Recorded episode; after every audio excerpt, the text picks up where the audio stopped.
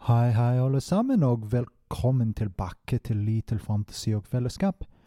En podkast av Tromsø kunstforening. Jeg heter James, og jeg er produsent for denne podkastserien. I denne episoden skal vi få høre enda et foredrag av Dag Solhjell. Han er kunstsosiolog og var leder for Tromsø kunstforening fra 1973 til 1980. 83.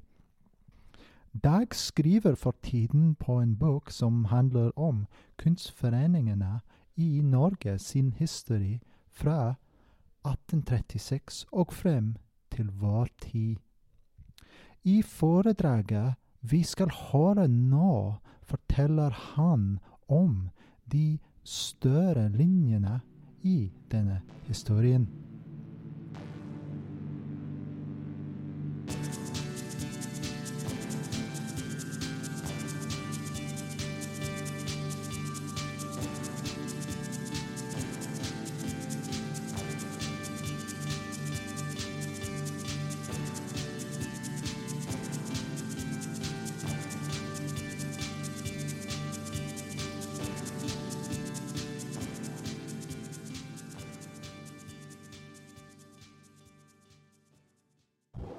Velkommen, Dag Solhjell, og velkommen alle dere.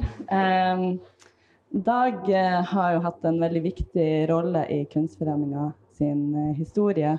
Eh, han var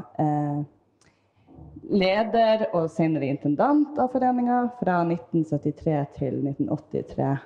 Eh, og leda da også det arbeidet som foregikk på slutten av 70-tallet med å få renovert det her bygget, og eh, at eh, Tromsø kunstforening da til slutt flytta inn her.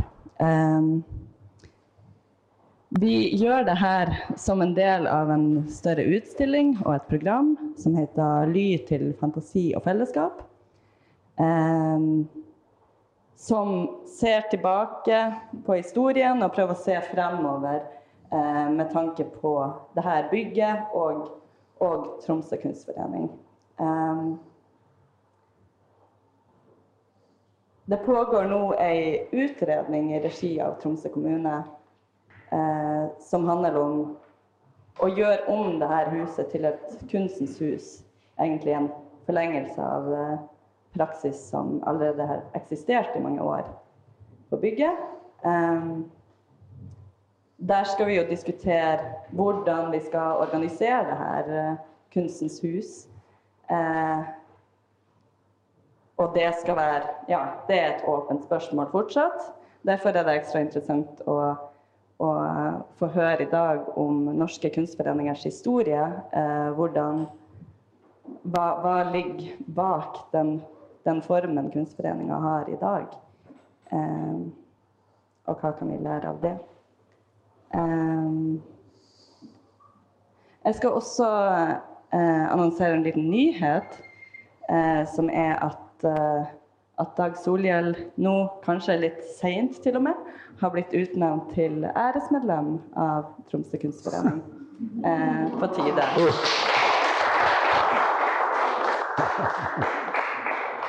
Takk. Det er helt utrolig. det skulle bare mangle. Tusen eh, takk. Da gir jeg ordet til deg, Dag. Og så æresmedlem dere ja, av denne flotte institusjonen. Det var, det var Jeg er ganske rørt. Tusen takk. Mm. Um, det jeg skal fortelle om nå, det er et ledd i et nokså halsbrekkende arbeid. Og det er å skrive norske kunstforeningers historie fra 1836 og frem til nå. Og eh, jeg, jeg er kommet nokså langt med arbeidet. Eh, det er to hovedkilder. Det er jubileumsbøker, men så er det også arkiver etter eh, kunstforeningene. Og ja, er kommet frem sånn noenlunde til 1960-tallet. Eh, Men når jeg kommer til 1960-tallet, og iallfall ti år til, så er jeg jo selv en del av den historien jeg da skal fortelle. Men det er et sånt metodeproblem, så det får jeg komme til. Men det er klart at Tromsø kunstforening og mine erfaringer herfra kommer til å veie tungt på ulike steder i denne boken. Og det gjelder også Tromsø kunstforening i perioden 1877 til 1888, som jeg skal snakke om eh, senere. Og eh, eh, jeg har en viss bakgrunn for å gjøre dette arbeidet. Og det er at jeg altså har vært leder her. Og så gikk jeg herfra og så ble jeg leder av Norske Kunstforeningers Landsforbund. Og så var jeg der noen år, og så brøt jeg ut og ble frilans forsker. Og, og, endte opp med ja, Ikke endte opp med, jeg har ikke endt opp ennå, men med doktorgrad og, og, og det hele. Så jeg pleier å si at som kunstsosiolog så lærte jeg alt her i Tromsø. Fordi miljøet var så lite. Og dermed så alle roller i kunstlivet spilte seg ut her. Uh, masse konflikter, mye samarbeid. Mye verdier som sto på spill for, for mange, særlig for kunstnerne. Uh, og Eh, jeg, ble, jeg, vandret rundt de andre kunstneratelierne, og den eneste filosofen blant kunstnerne her, det var Idar. Som da bodde på hjørnet her, ikke sant. Så nå er det første gang jeg prøver å lage en sånn samlet fremstilling av Kunstforeningens historie. Dette er første gang, Det er, et, det er et slags prøveforløsning for for, jeg se hvordan det virker. Jeg, kommer å, jeg, kommer ikke til å fortelle enkeltforeningers historie. Jeg kommer til å bruke noen eksempler. Jeg kommer til å ha, jeg bruker to hovedgrep. Det ene er at jeg eh, presenterer for dere fire jeg kaller det analytiske begreper. Og I hvert begrep så skal jeg da si noe om hvordan det utvikler seg under det. Jeg kommer ganske fort til det nå. Og så det neste grepet, når jeg har holdt på en god stund der, så skal jeg ta for meg eh, noe jeg har kalt en typologisering av kunstforeninger. Fordi at de utvikler seg fra å være ganske like og likeartede til å bli meget forskjellige. Eh, og denne reisen fra å være ganske enhetlig til meget forskjellig, er Tromsø kunstforening ganske godt eksempel på. Altså, det som da eh, Først noe bitte lite grann sånn historikk. Og det er at eh, kunstforeninger og kunstlag, som de gjerne heter på Vestlandet, de er demokratiske foreninger. De er, åpne for, for enhver som ønsker å bli medlem. Det er ingen, ingen kompetansekrav. Og de har utstilling, øh, eventuelt utlåning og salg av kunst, av billedkunst, øh, som øh, viktigste og sentrale virksomhet. Det er, no, det, er det, det er det lille de i dag egentlig har felles. Den første foreningen ble etablert i 1836 Eh, den siste i 2016. Og jeg har registrert 270 kunstforeninger og kunstlag. Når jeg sier kunstforeninger, så mener jeg også kunstlag. 270 stykker. De neste, de neste som kom i Nord-Norge, det var i Harstad i 1935 og i Bodø i 1946. Og spesielt Bodø kunstforening anser jeg kanskje som Nord-Norges viktigste kunstforening hvis man ser sånn historisk på det, og hvilke virkninger, virkninger det har hatt. De har altså endret seg for å være ganske likeartede til å bli meget forskjellige. Og disse forskjellene skal jeg da ta opp. Så er det disse fire analytiske begrepene jeg skal bruke. Og det er tre av dem har med deres kunstforeningens praksis å, gjøre. Og så er det denne, disse praksisenes eh, sammenhenger eller kontekster. Og så skal jeg prøve da i hver av disse fire begrepene å si litt historisk i, i, dette, lange, i dette, lange, perspektivet. Eh, og på kontekstene så er det jo særlig tre områder. Det er selve kunstlivet som kontekst. Og så er det den offentlige kunstpolitikken. Og så er det den vanlige samfunnsutviklingen. Jeg skal ikke komme, gå så veldig grundig inn på disse, men, men, man må ha det for øye at det vil, kommer til å være et av min studies hovedpoenger. Det er at kontekstene rundt kunstforeningene griper ganske hardt inn i kunstforeningenes praksiser. Eh, og der igjen er Tromsø et glimrende eksempel. Det er noe som jeg har visst lenge, men, men, det er først nå jeg har begynt å tenke litt mer uh, teoretisk eller systematisk på det. Og det, det er tre praksiser. Det er den estetiske praksis. Det er hva man gjør med kunstverk. Og så er det den sosiale praksis. Hvem er det som deltar i denne praksisen?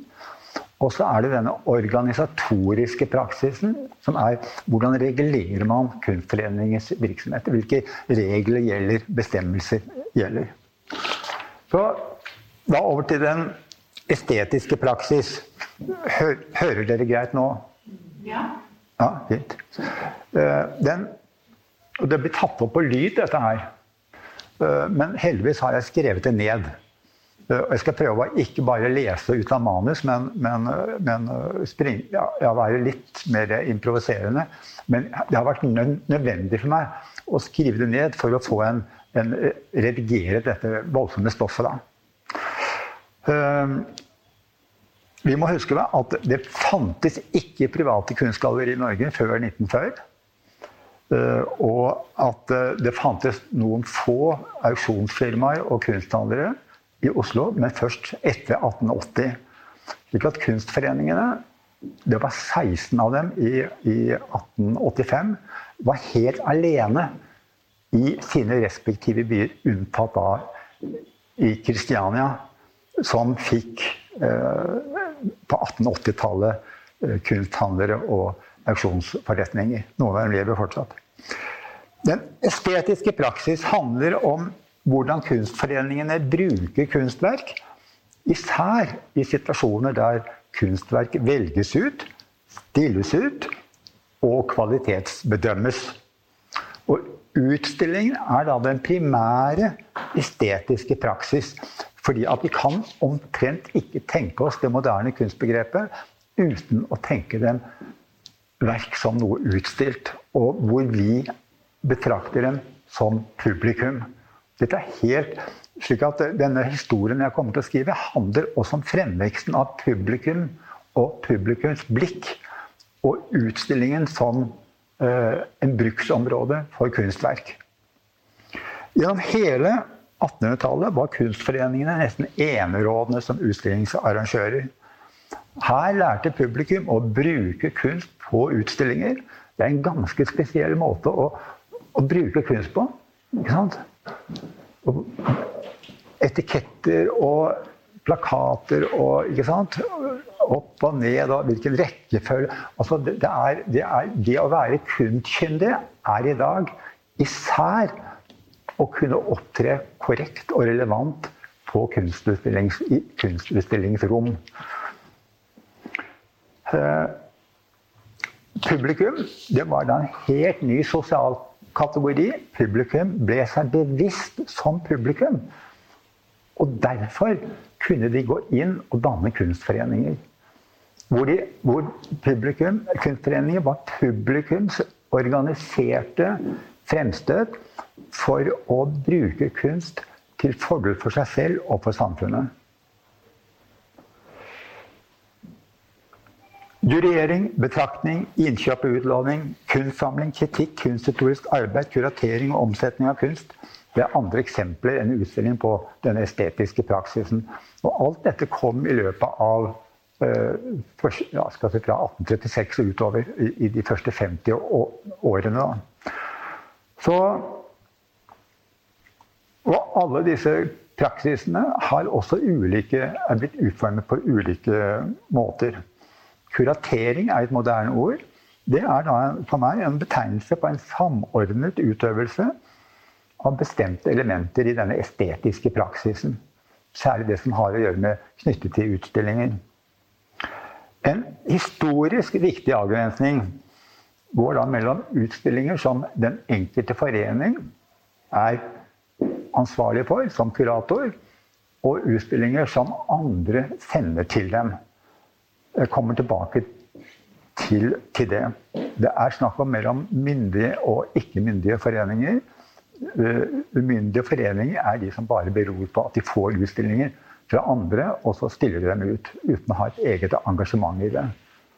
Det, det svekket de nordnorske kunstforeningene i, i, faktisk etter år 2000 at de ble nesten avhengig av at andre hadde laget utstillinger for dem. En annen, går, en annen, forskjell mellom kunstforeninger går mellom de som har kunstsamlinger, og de som ikke har det. Det skal jeg komme mye tilbake til. Kunstforeningens kunstsamlinger.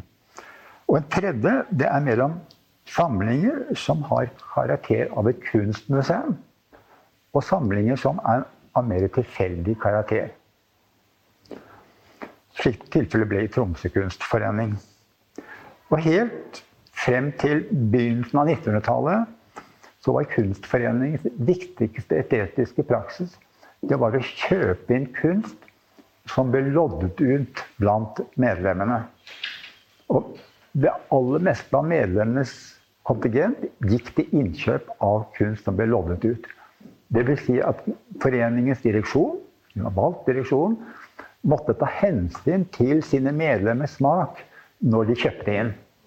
For hvis medlemmene ikke likte det som ble innkjøpt, så meldte de seg ut, og pengene forsvant. Da var det ikke mer penger igjen. Ja. Og øh, de som da øh, begynte å kjøpe inn til såkalt fast, øh, det faste galleri, altså det vi gjerne kaller samling, de, de, de, kunne ikke ta penger fra medlemmene. For det var jo medlemmenes penger som skulle gå til noe de selv hadde fordel av. Mens et fastgalleri det, det skulle jo kunne ses av alle som ikke hadde betalt. Hadde bidratt til å finansiere disse innkjøpene. Slik at effekten av den type resonnementer ble da at uh, kunstforeningene måtte søke eksterne midler tilskudd av ulike slag for å kunne begynne med samlinger. Og eh, de to første foreningene, eh, og de tre første, i Oslo, Bergen og Trondheim Trondheim kom i 1845. De hadde ikke innkjøpt en samling som en del av programmet sitt. Det begynte Oslo og Bergen samlet eh, i noen år. Så ga de, bort, så ga de det opp. Slik at de har egentlig aldri utviklet seg i retning av kunstmuseer. Men i Trondheims kunstforening de begynte da å samle uh, for, for, å uh, kjøpe inn til eget eie omkring, omkring 1860. Og de kunstforeningene som da ble etablert etter det, begynte også med slike å kjøpe inn til samlinger. Og det gjorde man her i Tromsø også i, uh, etter 1877. Men da gjerne med midler som var skaffet i veie i tillegg til medlemskontingenten. Slik at de ikke grep inn i det som medlemmene mente de eide retten til. Og det som da var utstilt i disse kunstforeningene, det var da, eh, det var da de gevinstene som var kjøpt inn, og eh, verk som kunstnere sendte inn i håp om at foreningen ville kjøpe dem inn til denne utlåningen. Og noen ganger, og ganske ofte, så var det slik at uh, verk som var sendt inn av kunstnere, og som ikke ble kjøpt av den foreningen, da ba kunstneren om at de skulle bli sendt videre til neste forening. Slik at det var mye samarbeid mellom kunstforeningene. Uh, og uh, i og med at alle bygget på dette utlovningssystemet, så hadde de også lodd hos hverandre, såkalte byttelodd. Slik at, at, det er ganske ofte vi ser på, på gevinstlistene at det er en eller annen kunstforening som er vunnet. Og så vinner man selv. Og det man da selv vinner, har man jo egentlig fått gratis. Og da kan det kanskje vurderes å settes inn i det faste galleriet hvis man har begynt med, med det. Kongen var medlem med ti hadde ti medlemslodd i hver forening e-, etter hvert, og vant en del. Og, og ofte så lot de lot kongene disse sine gevinster bero i foreningen. enten for utlåning neste gang, eller inn i en fast samling. Og man kan si at det var to typer gevinster som ble kjøpt inn. Det ene var malerier. Eh, og eh, da eh, Men malerier var dyre. De var uhorvelig dyre. Og man kjøpte da inn omtrent like mange fotografiske repetisjoner, etter hvert også grafiske repetisjoner av kjente kunstverk. Og de første årene, så, ja, frem til ca. 1880, så var det mye utenlandsk kunst som ble kjøpt inn. Utenlandske malerier. Og, og det var nesten bare fotografier av eldre utenlandsk kunst som ble kjøpt inn. Et slags sånn pedagogiske bilder, kan man si.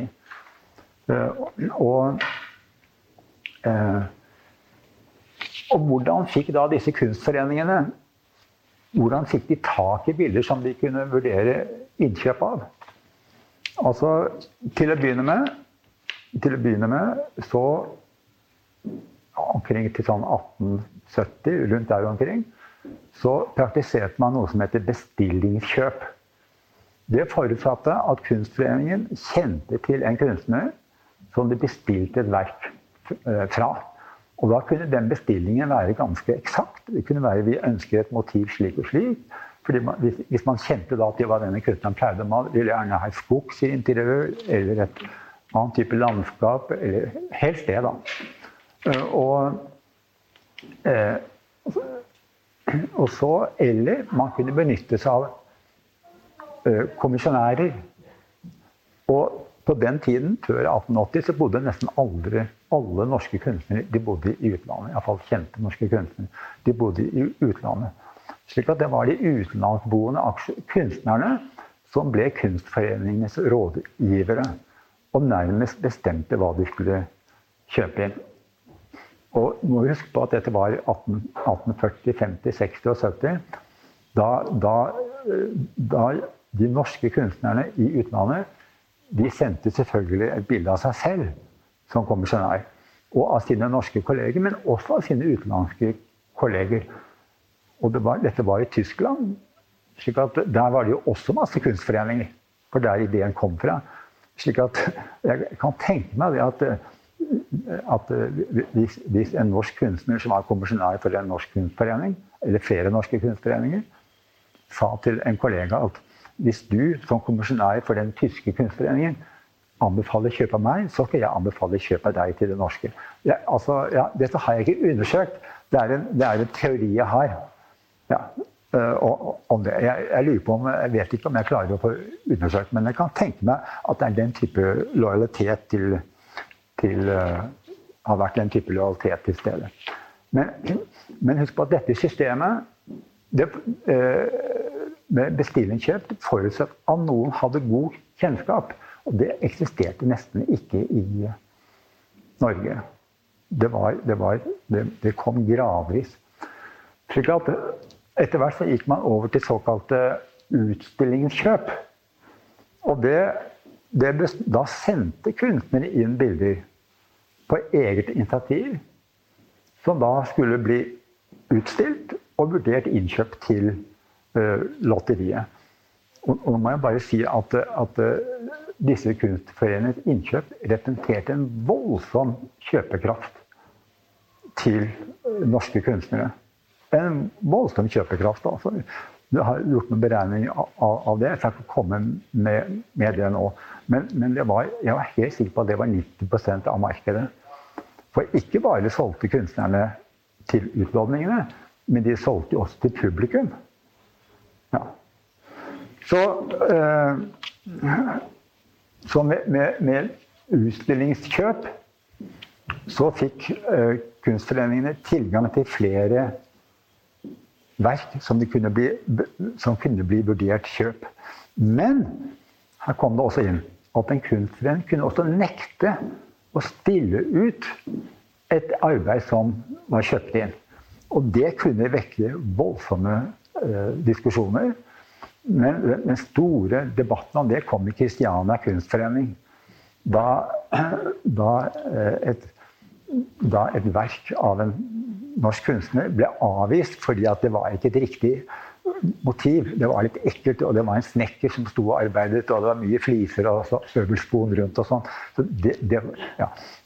Da kom det opp en kompetansestrid mellom kunstforeningene og kunstnere om hvem som skulle bestemme hva som skulle stilles ut. Ikke nødvendigvis hva som skulle kjøpes inn, men hva som skulle stilles ut.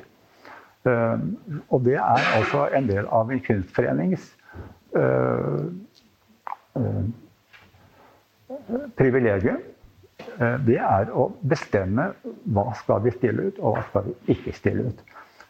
Og denne problemstillingen med hvem skal bestemme hva kunstnerne skal stille ut, det, den, den problemstillingen har vært der hele tiden. Særlig mellom kunstforeningene og kunstnerorganisasjonene. Og denne store konflikten i Kristiania i 1882-84 resulterte rett og slett i en dannelsen av en ny kunstnerorganisasjon som fikk veldig stor innflytelse på, på, på flere kunstforeningers estetiske praksis. Da. Og så er det at uh, som jeg aldri har sagt, det er flere til såkalte faste gallerier. Men det var, det var ingen tenkning, sånn museal tenkning. Uh, fenomenet kunsthistorie var jo ikke utviklet i Norge på den tiden de første kunsthistoriske bøkene, altså fremstillingen av norsk, norsk kunsthistorie, det ble ikke publisert før rundt 1904. Uh, eh, ja. Uh, slik at man hadde ikke noe slik at Først etter det at man kan si at enkelte samlinger, som da foreløpig var ganske små, etter hvert utviklet seg til å bli noe i retning av kunstmuseer. Uh, jeg skal komme litt tilbake Eh, til det. Og da, På den tiden så var det bare to kunstmuseer i Norge. Det var Nasjonalgalleriet og så var det Bergens bys billedgalleri. Bergen bys billedgalleri fikk jo da bygget på arbeidet fra Bergensmuseet og denne samlingen som Bergens Kunstforening hadde på 1880-tallet. Så inntreffer det en svært betydningsfull endring i, uh, etter 1890. Med noen svake tendenser før 1890. Det er separatutstillinger. Husk på at Kunstforeningens utstillinger den gangen det, det besto av enkeltverk. To, ett og to og kanskje tre av eh, enkelte, enkelte kunstnere. Eh, det, det, var ikke det egentlig vi kaller utstillinger. Det var mer, sånn, det var mer presentasjoner Eh, skal vi kalle det. Men det var det man hadde den, den gangen. Men da man altså fikk separatutstillinger, så endret hele relasjonen seg mellom kunstforeninger og publikum på, på, den ene siden og kunstnere på den annen, annen side. Uh, her må jeg lese det jeg har skrevet, for jeg må være ganske presis, syns jeg. Separatutstillinger ga foreningene til utstillingsvirksomhet betydning for utforming av den moderne kunstnerrollen. Der enkeltkunstnere fremtrer i større bredde og med en særegen profil. Og det endrer også publikums syn på kunst og kunstnere. Og det bidro også til økende kunsthistorisk bevissthet. Fordi en separatutstilling den kunne bestå av verk fra ulike tider. Altså Man kunne se at en kunstner utviklet seg det er ikke så lett å gjøre det når man får ett og ett verk. Ja. kunstnere ble i større grad representanter for retninger, eller ismer. Et sett med begreper som gjorde det lettere å skille kunstnere fra hverandre ved den måten de malte på, enn ved deres motiver. Når jeg nesten ikke snakker om skulpturer, er det fordi at det, var, det, var, det var det var mye dyrere, og, og det tilhørte et helt annet system og ble stort sett bestilt. da. Et kyndig publikum måtte kunne anvende dette klassifikasjonsskjemaet når de betraktet og samtalte om malerier og skulpturer. Og da må vi huske på at særlig separatutstillingene øh, de ble da anledninger der man diskuterte smak. Hva er god kunst, hva er mindre god, god kunst? Og gjennom, gjennom hele sin uh, historie så har kunstforeningene vært åsteder for stridigheter. Mellom medlemmer av kunstforeningen, mellom styre og medlemmer, mellom kunstnere og forening, og mellom kunstnerne seg imellom. Ja. Uh, og, og det, dette stridighetselementet det ligger jo latent. Altså, det er vel knapt en kunstforening som ikke har fått kraftig kritikk i en avis for ikke å ha stilt ut den og den, eller for å ha stilt ut den og den. Det er meget vanlig. Slik at, eh, at kunstbevisstheten ble etter mitt skjønn sterkt fremmet ved kunstforeningsvirksomhet. Husk på at de, I 1885 så var de altså representert på 16 forskjellige steder i Norge. Det var en landsomfattende sak. Og til og med i, i, i Tromsø, altså.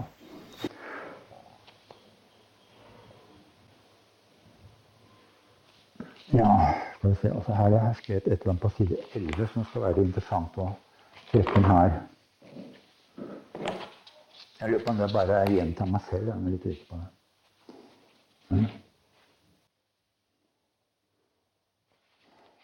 Jo eh, Jeg må si det er et fenomen her som jeg ikke har berørt, og det er at medlemstallet var jo helt bestemmende for størrelsen på utlåningsinnkjøpene.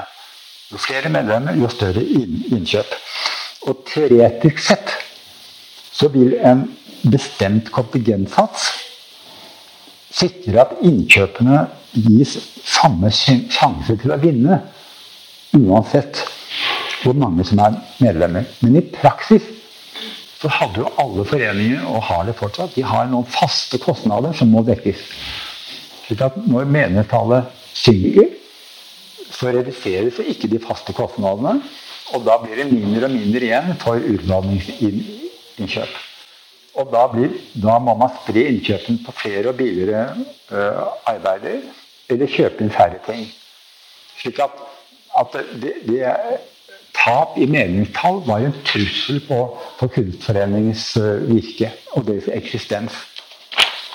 Og det kommer så tydelig frem i Tromsø Kunstforenings siste seks-syv år i, i, på 1880-tallet. Og så litt om den sosiale praksis.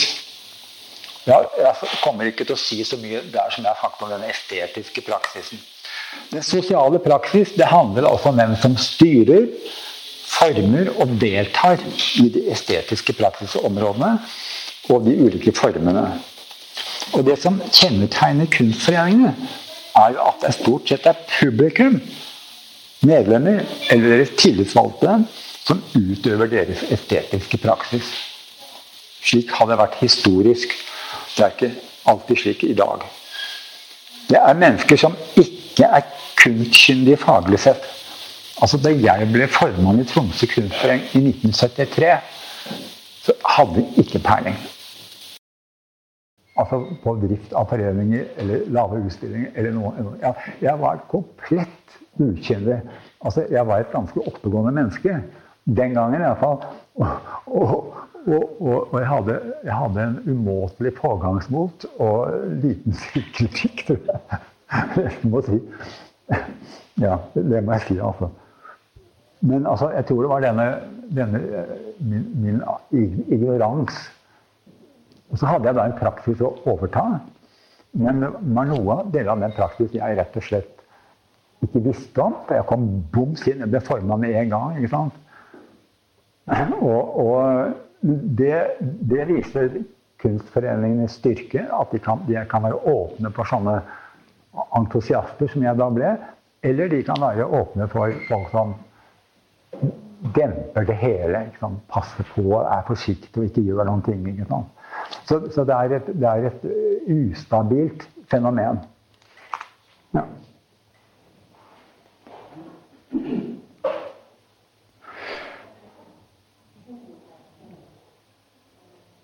Så er det da slik at uh, det er også et klasse- og et kjønnsperspektiv i kunstforeningene. Uh, og i det senere også et etnisk perspektiv. Og en, en viktig avgrensning i den sosiale praksis, det er jo da fordelingen av ansvaret for den estetiske praksis mellom kunstnere og ikke-kunstnere. Det, det, er et tilbakevendende problemstilling. Uh, uh, uansett kan vi si, hvilken type forening man er, unntatt når man bare tar imot vandreutstillinger. En annen avgrensning det er fordelingen av ansvaret mellom foreningens medlemmer, deres tillitsvalgte og ansatt personale. Er det de ansatte som skal bestemme, eller er det de tillitsvalgte og styret som skal bestemme? Hvem skal bestemme hvilken kunstsmak som skal tilfredsstilles fra medlemmer, publikum og kjøpere gjennom foreningens estetiske praksis? Syns jeg kanskje det, at det gis for lite tenkning rundt. Kunstforeningens store dilemma det er hvor mye de kunne utfordre medlemmenes kunstsmak uten å miste dem som medlemmer. Sånn er det fortsatt. Det gjorde at de ble ganske forsiktige i sin utstillings- og innkjøpspolitikk. Altså i sin estetiske praksis. Mens da, når det gjaldt innkjøp til faste gallerier, og ikke til utlåning, så kunne de være mye mer dristige. For da hadde de penger utenfra. Jeg kommer litt tilbake til. Og, og mine undersøkelser viste helt entydig at innkjøp til de faste galleriene det var høyere priset, det var høyere kvalitet, det var mer kjente navn, og de var norske. Men nesten ikke kjøpte inn utenlandsk kunst i de faste galleriene. Men få svensker som kjøpte inn. Og etter, etter 1880 så var det kun norske. Og bare helt sjelden unntaksvis uh, andre lands kunstnere som blir kjøpt inn. Og så er det jo da uh, denne distinksjonen mellom norsk og utenlandsk den gjentar seg på et litt annet nivå når det kommer flere kunstforeninger. For da tenker man skal vi satse på de regionale kunstnerne? og de lokale kunstnerne? Eller skal vi være et, vi være et sted for visning av den nasjonale kunst? Det er, det er en problemstilling som, som, som er gyldig fortsatt. Særlig fordi at uh, det rundt svært mange kunstforeninger i dag står et ganske stort antall kunstnere som arbeider i, nærheten. Her arbeider de på loftet. ikke noe. Altså det, er et, det, er en, det, er en, veldig vanskelig problemstilling. Jeg følte det selv også. Uh, det var kunstnere her i byen som jeg aldri ville stille ut med. Og, og, og, og Iallfall minst én. Og, og, og, eh, jeg ble veldig påvirket av Idar. Idar var en slags sånn smaksdirigent for meg. Han hadde Og, det var Ja. Og jeg, jeg hørte på han. Uh, ja. Og hva, hvem skulle jeg ellers høre på? Ikke sant? Min egen smak. Ja. Men jeg hadde nesten noe smak den gangen. Den, den utvikler seg etter hvert.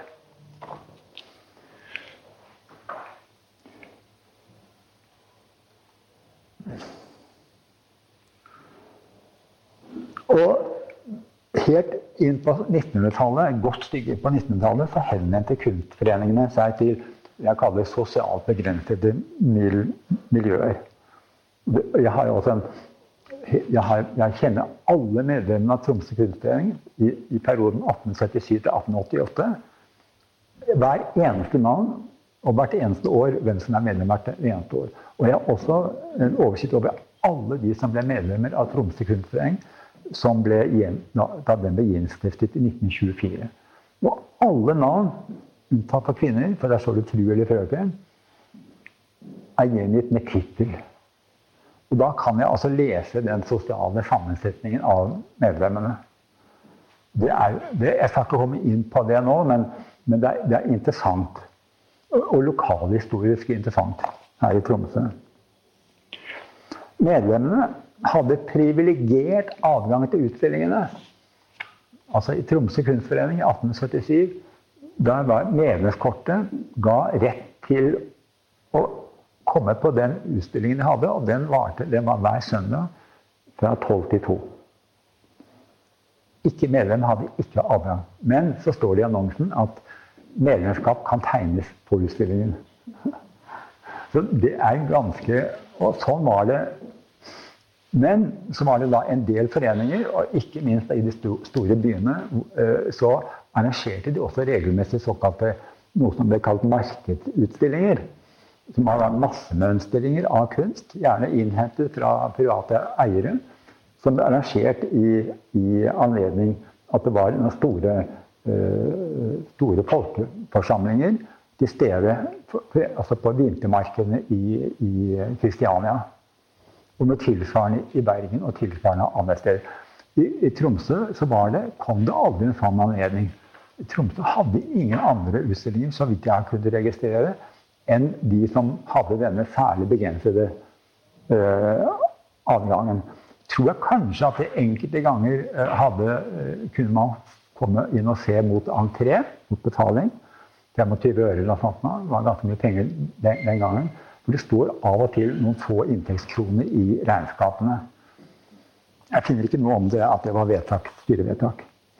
Også fra, så ble dette viket opp da, etter hvert. For kunstneren i den lange, lange løp har jo gått fra å være øh, pri, sosialt sett privilegerende for medlemmene til å bli totalt åpne for, for enhver. Ja, og så er spørsmålet er de blitt det, men det er en annen diskusjon da. Så fra 1930-tallet så ble det, si, det kulturpolitiske klimaet i Norge ble grepet av en idé om folkeopplysning. Uh, og, og, og, uh, og, den fortsatte etter okkupasjonen. Okkupasjonstiden hadde jo en helt egen idé om hva folkeopplysning var. Og jeg har, jeg har skrevet faktisk en god del om Kunstforeningens forhold under okkupasjonen før 45. Jeg skal ikke komme inn på det, men det er meget interessant. Uh, og det betyr at når idealet for, også for kunstforeningene etter hvert blir at kunsten skal ut til alle, så blir de politisk interessante. På, men det er ikke før på eh, si, da Norsk kulturråd etableres i 1965, at, at, at da denne folkeopplysningsideologien eh, kan fremmes ved at det kan gis penger til å støtte opp under tiltak som er av sånn folkeopplysningskarakter. Et viktig aspekt ved den sosiale praksis ja, og som jeg sier, altså, Kulturmeldingene på 1970-tallet forsterket uh, denne, uh, denne folkeopplysningsideologien. Uh, og, og det, den, den, det, det, ble nærmest Meldingene ble nærmest oppfattet som en slags marsjordre for mange kunstforeninger. Og det, man fikk da en utrolig sterk økning i antall foreninger. Foreningstallet steg fra ca. 60 til eh, 200 i løpet av 20 år. Det, altså, det er en så sterk vekst at det, det, er ikke, det er nesten ikke til å tro, men det er sant. Det, etableres over 150 kunstforeninger i løpet av 20, 20 år. Og alle landets, nesten alle, halvparten av landets kommuner har da kunstforeninger. Og det blir da, det blir da øh, og det stimulerer til at de blir mer og mer forskjellige, noe jeg skal komme, komme tilbake til.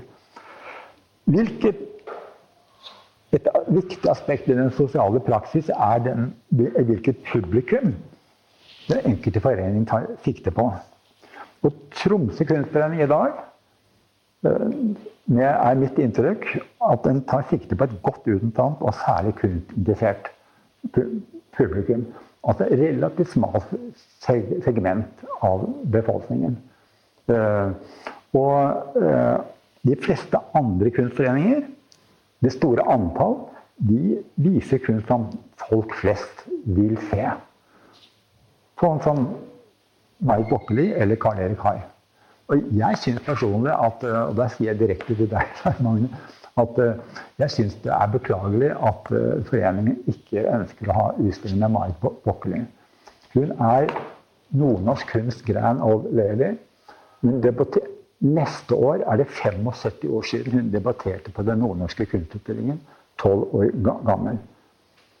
hun har, hun har en formidabel produksjon bak seg på et høyt nivå.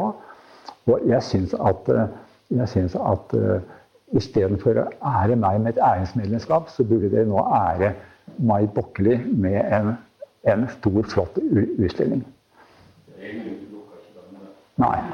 Nei, men, det, mener æresmedlemskapet mitt og Nei, det håper jeg inderlig ikke, ikke, gjør. Men jeg gir fra meg æresmedlemskapet hvis dere, hvis dere får Ja, ja.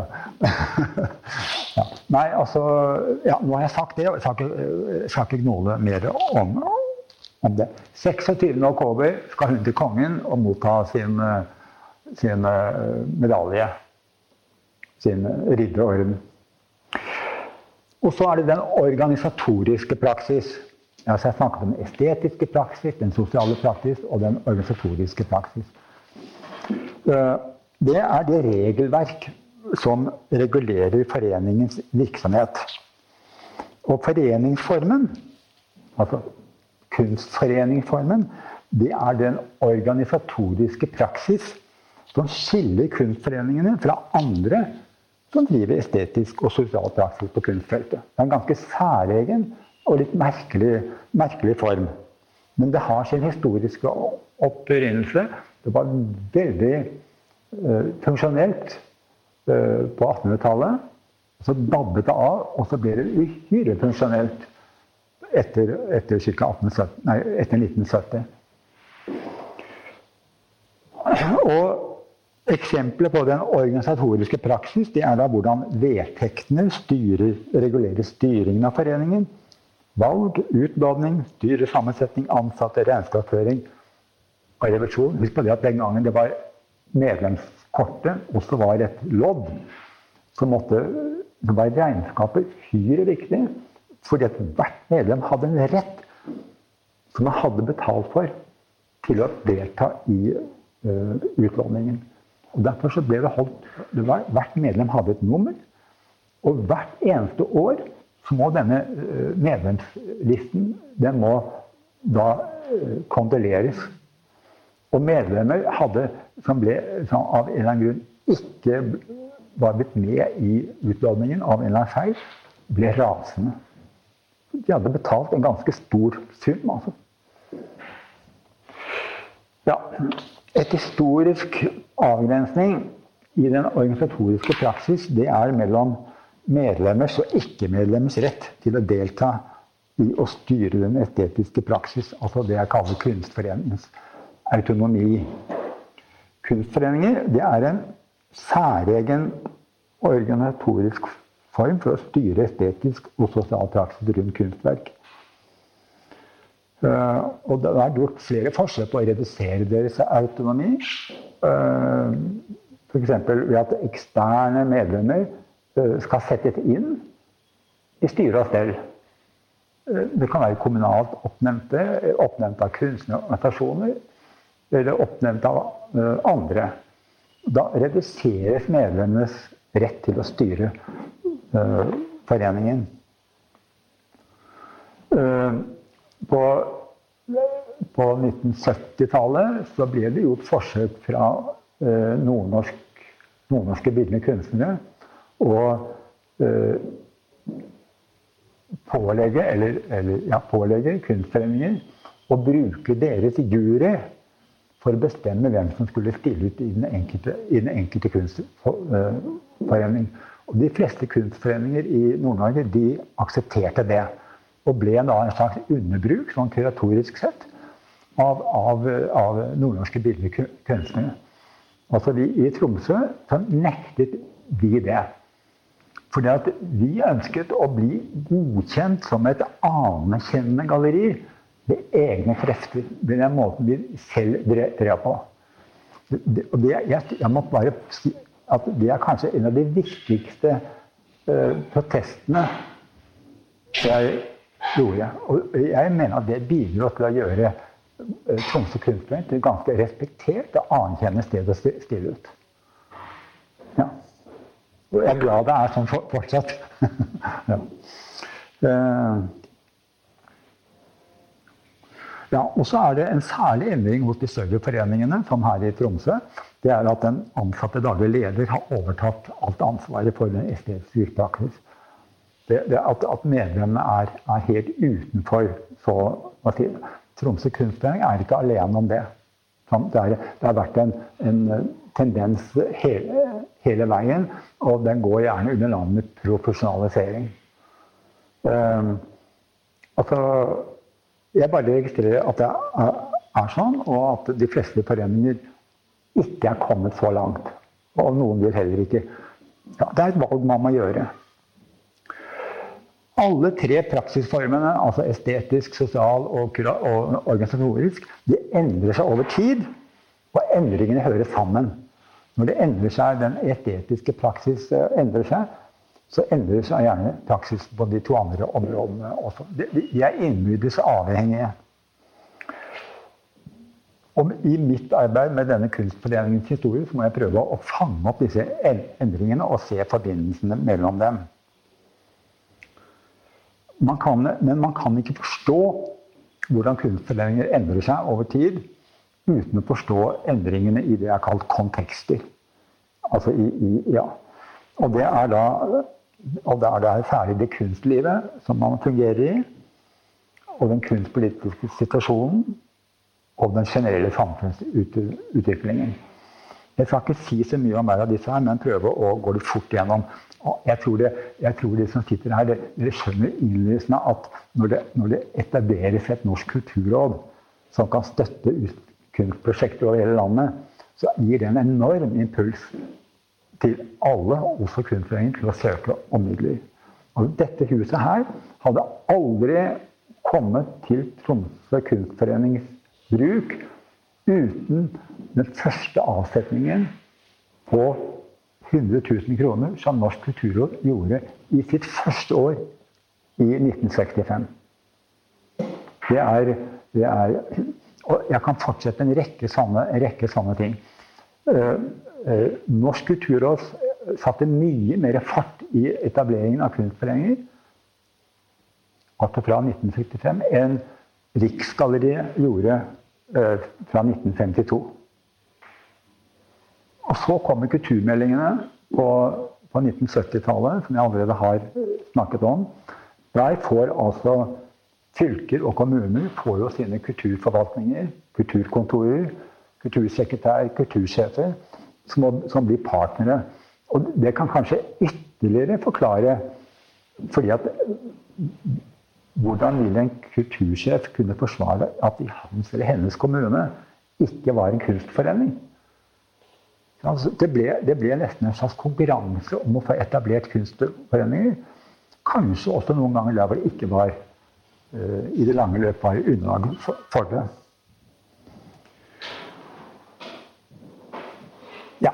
Og så er det da at når, når man får en aktiv kulturpolitikk, så er, så er, dette systemet, det gamle systemet med kunstforeninger som ga medlemmene privilegier, sosiale privilegier, det, det, er ikke mulig lenger. Så, så også denne aktive statlige og offentlige kulturpolitikken gjorde at hele det gamle mønsteret det forsvant. Det, det fikk kanskje andre former, men men det, det tok drepet på hele dette privilegiesystemet. Skal vi se ja, Jeg tror jeg skal tror jeg skal hoppe over en god del ting her nå. Eh, jeg snakker mer om sånne kontekster, og så går jeg heller ned på uh,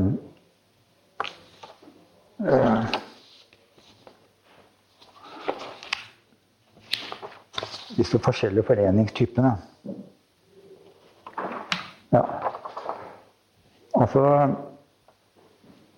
se, se, jeg har sagt rent generelt, så gikk kunsttreningene i deres nesten 200 år historie fra å være helt enhetlig organisert i alle sine tre praksisområder, med unntak av at noen samlet på kunst, andre gjorde det ikke, til å bli utrolig for, for, forskjellige. Og det er eh, Jeg har da operert med åtte eller ni forskjellige typer kunstforeninger som trer frem omkring 1950 og litt, et, litt etter det.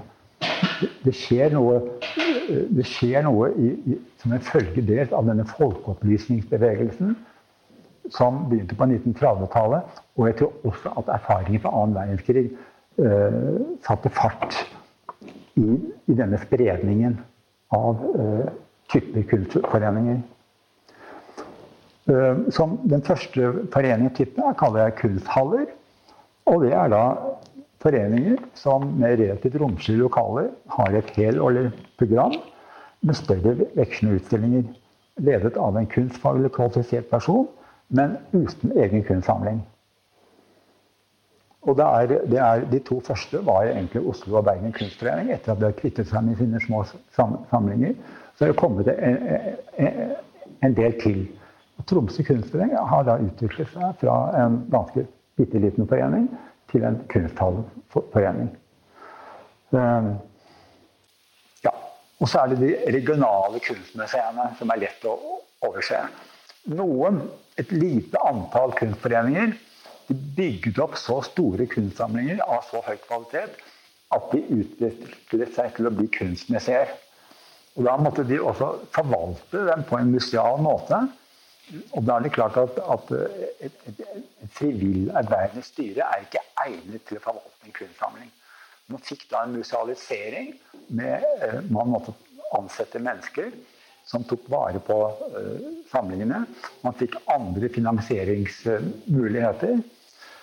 Og man fikk da kunstforeningsledete museer i Trondheim, som var det største i eh, Haugesund, Stavanger, Kristiansand og Drammen.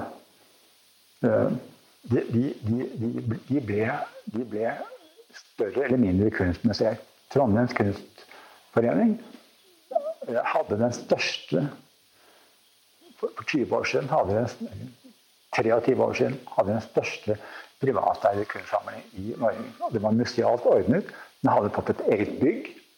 Det hadde vi også fått i, i Stavanger ganske tidlig. 1930 i Stavanger, 19, nei, 1930 i Trondheim og 1925 i Stavanger. Og i Haugesund hadde jeg også passende bygninger til sine samlinger. Eh, og i dag altså da, da Nils Ytterberg startet Tromsø kunstforening, eller gjenetablerte den i 19, 1924, så var det hans tanke og plan at uh, Tromsø kunstforening skulle stå bak etableringen av et nordnorsk kunstmuseum. Det, slik gikk det ikke. Og da Bodø kunstforening startet i 1946, så det, hadde de også den samme tanken. Uh, og de fikk en betydelig samling som i dag er helt forsømt og er for stor del ganske li likegyldige ting. Altså. Kjøpt inn av sånne snillistene. Man må kjøpe inn en kunstner, for han solgte så dårlig til andre at de må kjøpe av, av ham. Den er meget lokal. Og, og, jeg tror den har veldig begrenset verdi som en musealt forvaltet sam samling. Det gikk eh, også galt her i Tromsø. Og, og, jeg må bare tilstå at eh, samlingsperspektivet var for meg ganske fjernt. Jeg, jeg, jeg må nok ta et ansvar for at, at Tromsø Kunstforenings lille samling eh, ble, forble liten. Og, og, det må jeg si. At eh, jeg fortjener ikke det æresmedlemskapet der, altså. Det må jeg si. Nei, det, det men, jeg, men, hva kunne jeg gjøre, ikke sant? Nei, det, det, det Ja, nok om det. I dag er det ingen kunstmuseer som er drevet av kunstforeninger.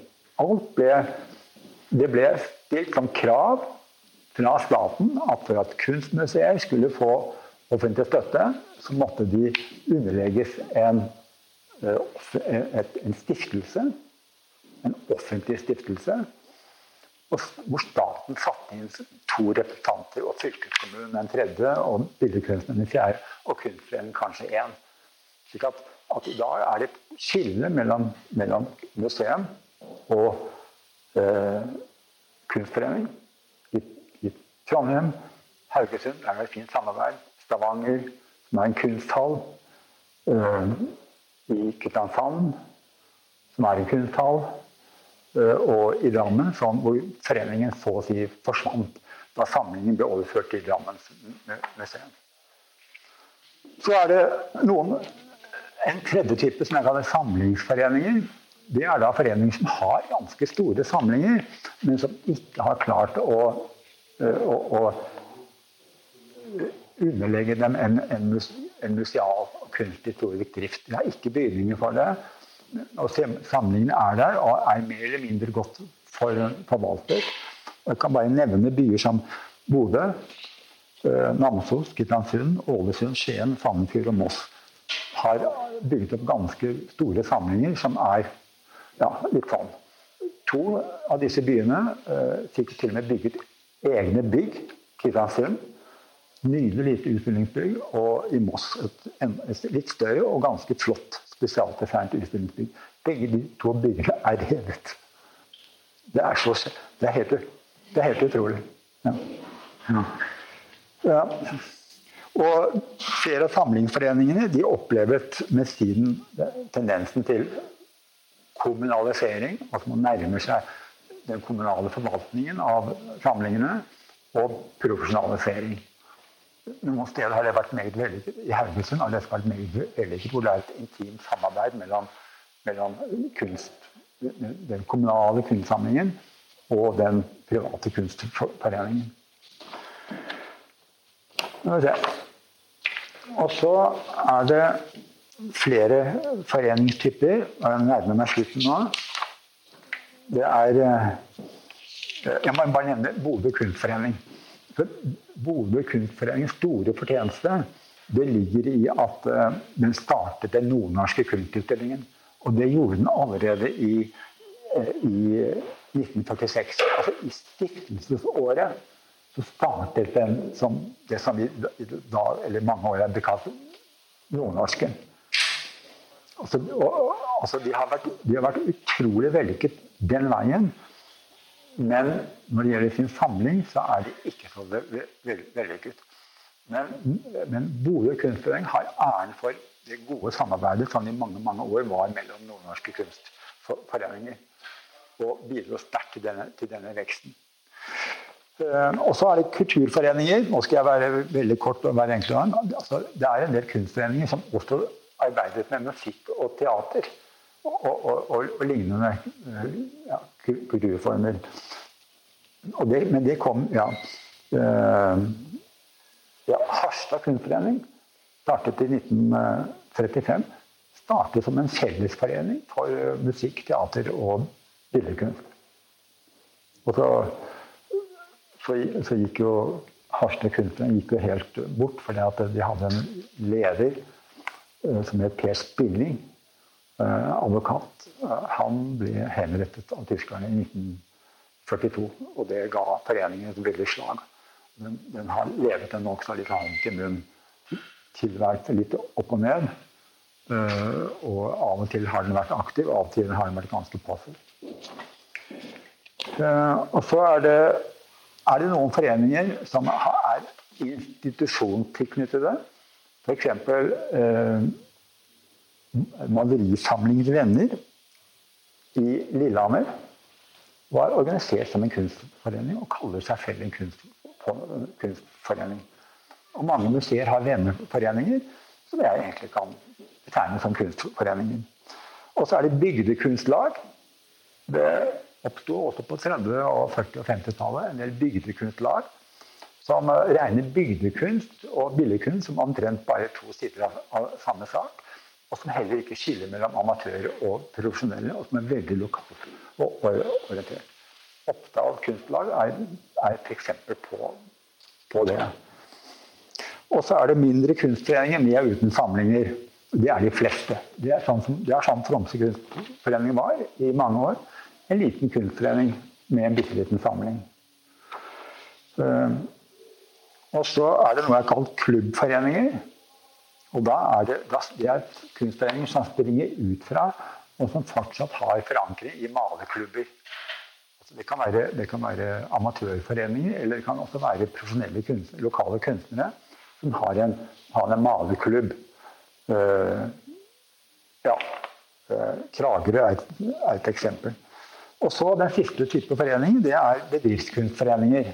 Som skriver seg fra 1950-tallet. Og det pussige der er at bedriftskunstforeningene deres sentrale virksomhet er utlåninger. De kjøper inn kunst og lodder ut blant medlemmene. Eh, har ingen offentlige utstillinger. Du kan bare medlem, være medlem som ansatt. Det det er en sånn eksklusiv sak. Sosialt ekskluderende. Og, eh, og eh,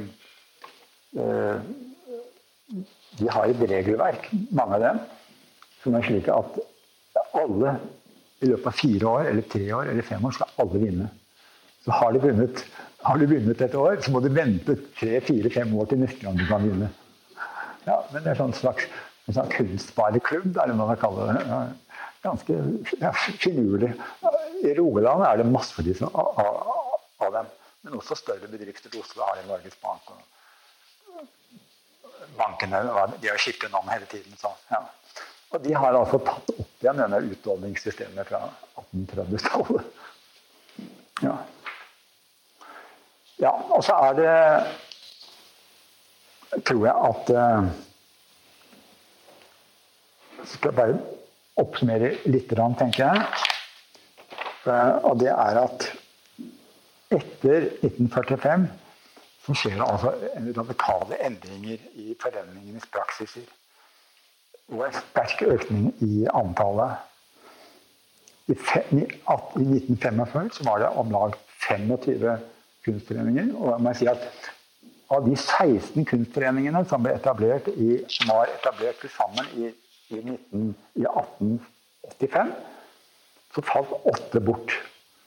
Og antallet kunstnere i Norge oversteg ikke disse, dette tallet 16 før etter 1935.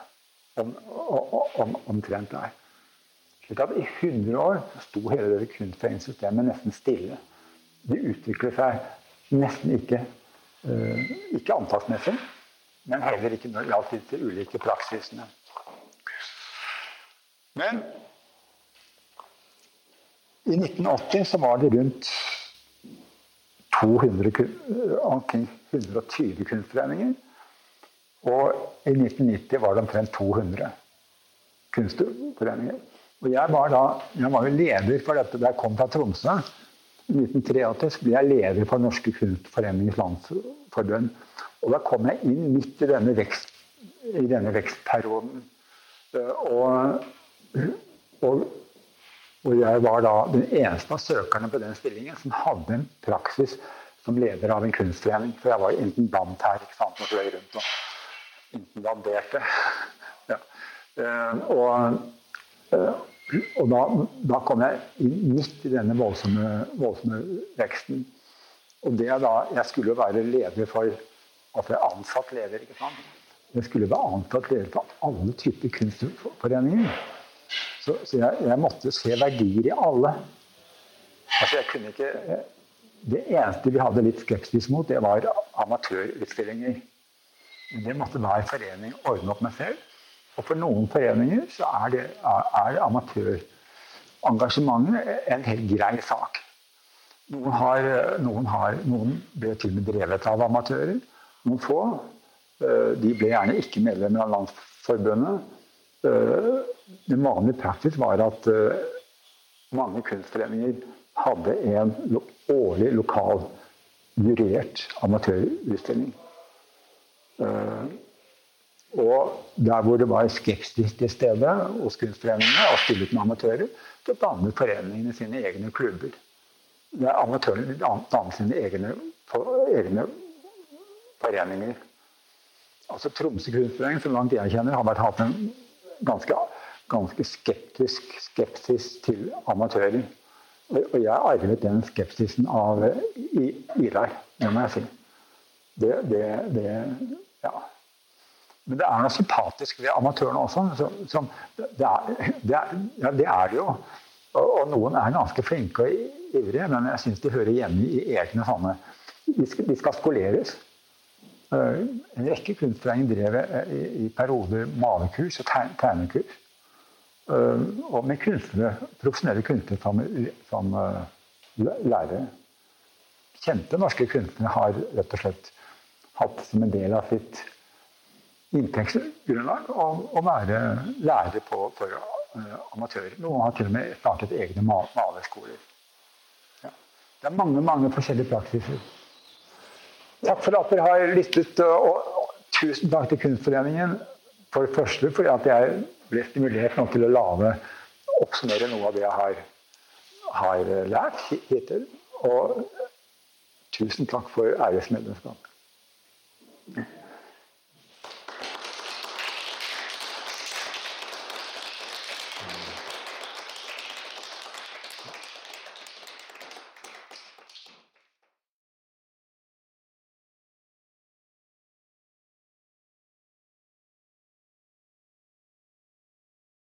Kan fortelle litt mer om hvordan, eller hva du tror er grunnen til, og hva som skjedde når Kunstforeningen